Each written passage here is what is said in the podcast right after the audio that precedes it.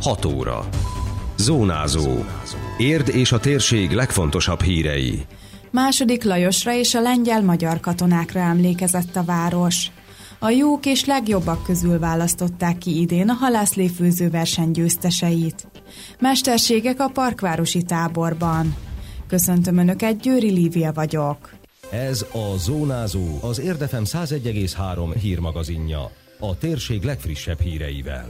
Fontos dolog emlékezni azokra az eleinkre, akik az országért életüket, vérüket adták. A lengyelek, horvátok, rácok, akik Szulejmán seregével felvették a harcot Mohácsnál, a magyar hazáért tették hangsúlyozta Témészáros András polgármester beszédében az Érdi Lengyel-Magyar Kulturális Egyesület megemlékezésén. A városvezető az Ófalusi emlékmű történetét is felelevenítette. Ez az emlékmű, ez kicsit az ezer éves, több mint ezer éves történelmünket jellemzi. Hiszen belefoglaltatik egy római kori oroszlán a maga sérültségével, de mégis időtállóságával. Benne van az emlékmű felületén Ákosházi Sárkány Ambrus családjának a címere, hiszen az ő szállásukon, az ő kastélyukba szállt meg a király és a kísérete. Benne van mindaz, ami a lengyel-magyar barátságot is jelenti. Hogy a kezdetektől küzdöttünk egymásért, hol, ahogy a példa is mutatja, a lengyelek haltak meg a magyarokért, hol pedig a magyarok a lengyelekért. Mint mondta, 2007-ben az emlékmű kiegészült, és immár azok előtt a lengyel hősök előtt is tiszteleg, akik Mohácsnál az életüket áldozták fel. 493 évvel ezelőtt második Lajos király seregével Mohácsra tartva érden is megállt, Sárkány Ambrus kastélyában. A magyar sereghez lengyel katonák is csatlakoztak.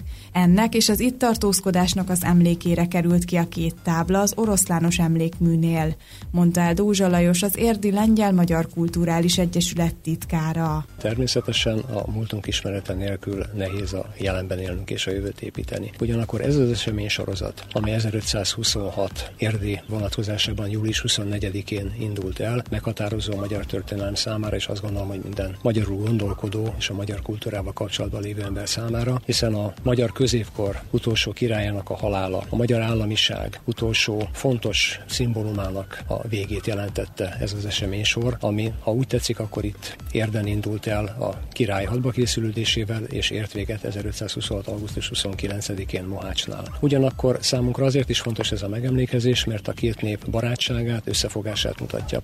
A koszorúzást követően Baka Györgyi költő, az Egyesület tagja szavalta el Vörös Marti Mihály Mohács című versét, majd a Diósdi női kar tagjainak részvételével énekelték el a lengyel és a magyar himnuszt. Másfél évtizedes horgászhagyomány a Dunaparton. 15 évvel ezelőtt szervezte meg első halászléfőző versenyét és családi napját az Ért és Környéke Horgász Egyesület, mára pedig hagyományá vált a Dunaparti buli. Idén nagyon sokan, 16-an neveztek a versenyre, köztük családok, baráti társaságok, helyi szervezetek, emelte ki Berényi Andrásné Zsóka, a Horgász Egyesület elnöke. Hozzátette, idén is az önkormányzat támogatta az eseményt, a versenyzőknek és a látogatóknak is ők biztosították a halat. Nagyon sok olyan csapat van, aki minden évben itt van. Szerintem nagyon szeretik ezt a rendezvényt, tehát egyes, hogy itt vagyunk kinn a friss levegőn, olyan emberekkel, akiket ismerünk, szeretünk, és hát együtt el tudunk tölteni egy kellemes délután. A jó és a legjobb között tett különbséget a zsűri, hiszen két első díjat, két második és egy harmadik helyezést osztottak ki, mondta el Témészáros András polgármester a zsűri elnöke. Mint mondta, az értékelés során az ízt, az illatot és az összhatást vették figyelembe. Én azt remélem legközelebb is, hogy ugyanilyen aktivitásra, ugyanilyen jó halat fognak tudni főzni az emberek, akik ide kijönnek. Másrészt még ugye a Horgász Egyesület is fontos. A Horgász Egyesület, ilyen és környéke Horgász Egyesület az egyik legnagyobb egyesületünk itt a városban, a város környékén, és ők minden évben, mind a családi napot, a mai napot, mind pedig karácsony körül a karácsonyi halászlé adományozó napot megszervezik, és hát ezért csak köszönet illeti őket. És ahogy mondta az Egyesület elnöke, hogy ugye volt két első díj, volt két második díj, volt egy harmadik díj, és ebből következik, hogy az összes többi az negyedik díjas lett, és gratulálunk mindenkinek. Varga Ferenc az egyik versenyző elmondta, hogy ők már ötödik alkalommal álltak a Bogrács mögé a Horgász Egyesület rendezvényén. Ezúttal a megosztott második helyet sikerült elérniük a versenyen. Mint mondja, a jó levegő, a hangulat és a finom halászlé miatt jönnek újra és újra a Dunaparti programra. A megfelelő alapanyagok és a kifogástalan jó alapanyagok, a jó hal, a jó paprika, hagyma és a zöldségek bele, ami piros paprika, zöld paprika, hagyma és egy kis krumpli, egy mutatóba, egy krumpli egy adagba. Ezeket, hogyha alkalmas ideig főzik, rugozzák ki a halhust, az összes molekulából az ízeket, akkor az egy harmonikus ízű halászlé lesz. A magyar ember nagyon szereti. Én most a bajai változattól eltértem, mert a tésztával egy kicsit macerás itt kint dolgozni.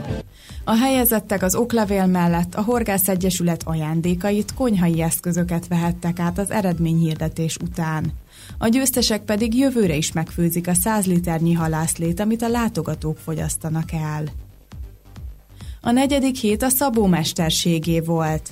Nyolc héten át különféle mesterségekkel ismerkedhetnek meg a gyerekek a Parkvárosi nyári napközis táborban. A táborozók minden héten ősi szakmákat tanulmányozhatnak és próbálhatnak ki.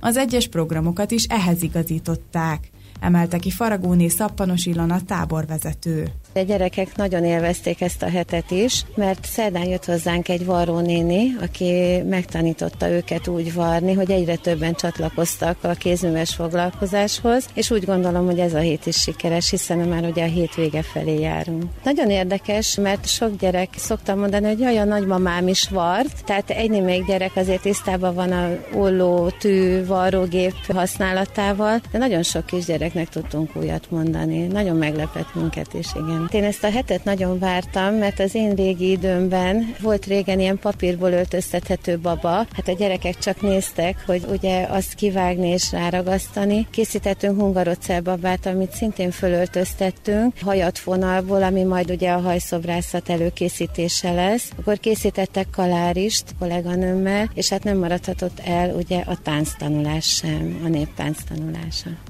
A mesterségek mellett a sportprogramok is nagyon népszerűek a gyerekek körében, így a hét is egy akadályversennyel zárult.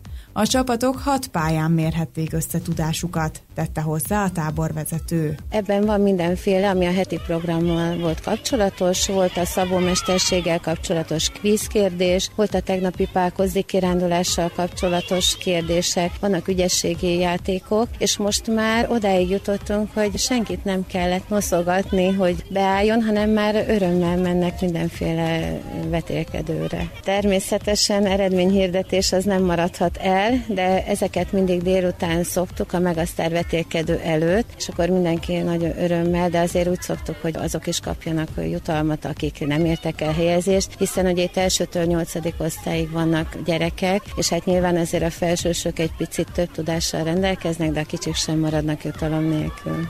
A csoportokat vegyesen rendezik össze, hogy a legkisebbek és a legnagyobbak is megtanuljanak összedolgozni. Ezen a héten pedig a hangszerkészítés mesterségével ismerkedhetnek meg a fiatalok.